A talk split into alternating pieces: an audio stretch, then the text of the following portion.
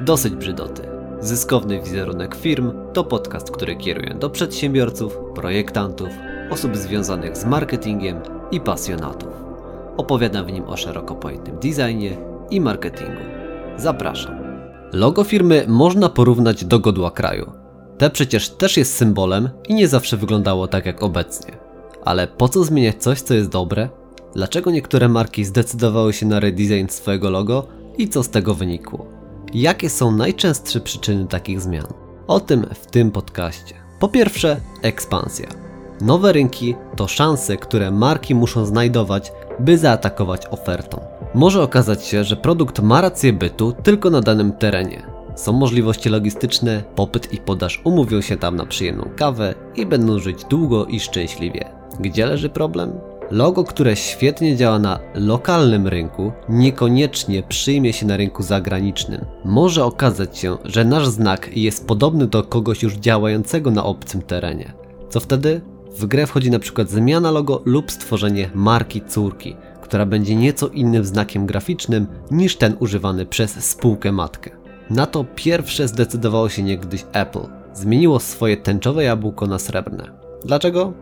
Produkty proponowane przez tego giganta na nowym rynku przeznaczone były dla osób ceniących elegancję, luksus, nowoczesny design, a kolorowe jabłko niekoniecznie kojarzyło się z tym. Inna sprawa, że gdyby obecnie Apple funkcjonowało ze starym kolorowym logo, mogłoby się kojarzyć zbyt mocno ze środowiskami LGBT. Uwarunkowania społeczne podlegają ciągłym zmianom, natomiast czarny i szary zawsze był i będzie kojarzony z elegancją. Po drugie, ewolucja marketingu. Niektóre marki od zawsze robią to, co robiły.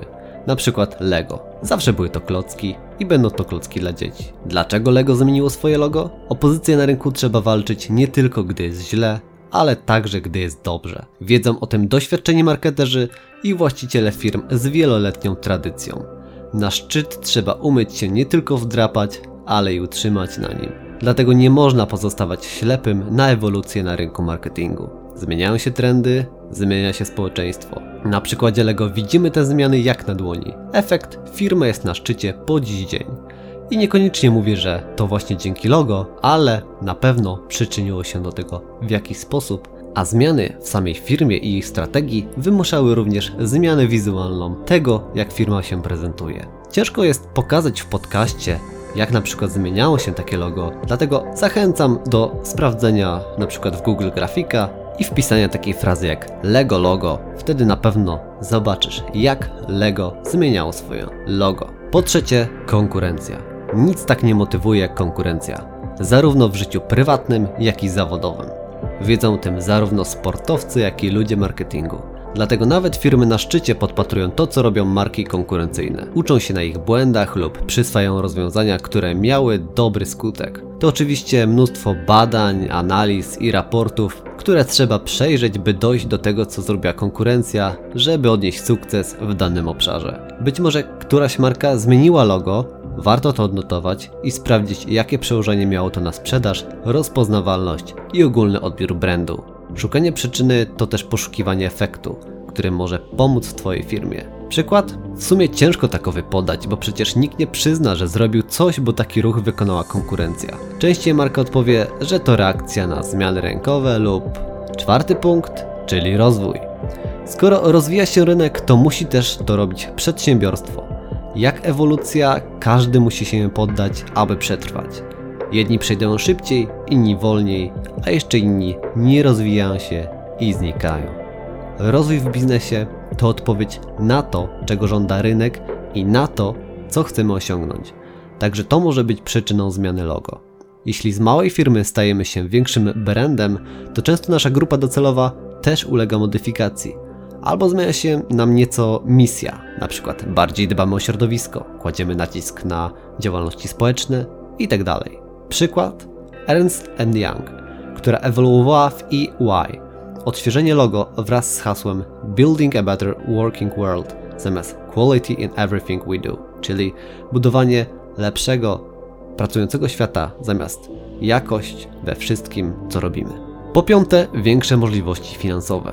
Mówiłem już wcześniej, że rozwój marki też warunkuje zmiany w logo, ale tutaj skupiamy się stricte na możliwościach finansowych. Prostym przykładem może być zakładanie firmy mając mniejszy budżet. Jest to całkowicie normalna i częsta sytuacja. To czasem znaczy po prostu mniej zdolnego grafika, mniejszą ilość fachowców pracujących nad logiem i po prostu mniejsze nakłady na marketing w początkowej fazie powstawania marki. Z czasem brand zyskuje, przynosi pozytywne efekty finansowe i bardziej przyglądamy się reklamie w naszej firmie. Marka może być już na tyle duża i rozpoznawalna, że po prostu może sobie pozwolić na zmiany bez obaw o obecnych klientów. Nie zawsze musi to oznaczać całkowite zmiany, czasem wystarczy lifting yy, nie niweczący jakości wcześniejszego logotypu. Często jest to widoczne na przykładzie firm rodzinnych, które z czasem odniosły sukces i się rozrosły. Biogrim, marka produkująca naturalne soki. Na początku istnienia miała logo stworzone przez jednego z członków rodziny, do której należy firma. Z czasem logo zmieniło się na wykonane przez profesjonalistów z dziedziny grafiki i marketingu. Biogrim ma też dwie wersje językowe logo, zważywszy na sprzedaż także na rynkach zagranicznych. Podsumowując, zmiana logo, czy jest to możliwość, czy konieczność? Moim zdaniem po części jedno i drugie.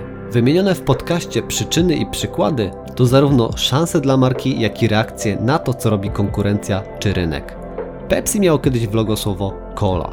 Z czasem zniknęło, bo firma mogła sobie na to pozwolić.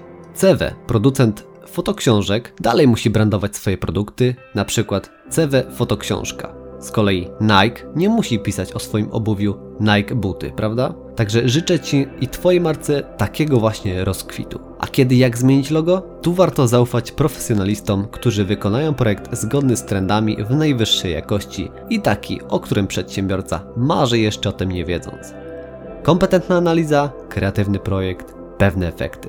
Zmiana logo to proces, który nie może być strzałem w ciemno. W większości przypadków taka zmiana jest sprawą nieuniknioną. Pamiętaj, nawet konieczność może być możliwością.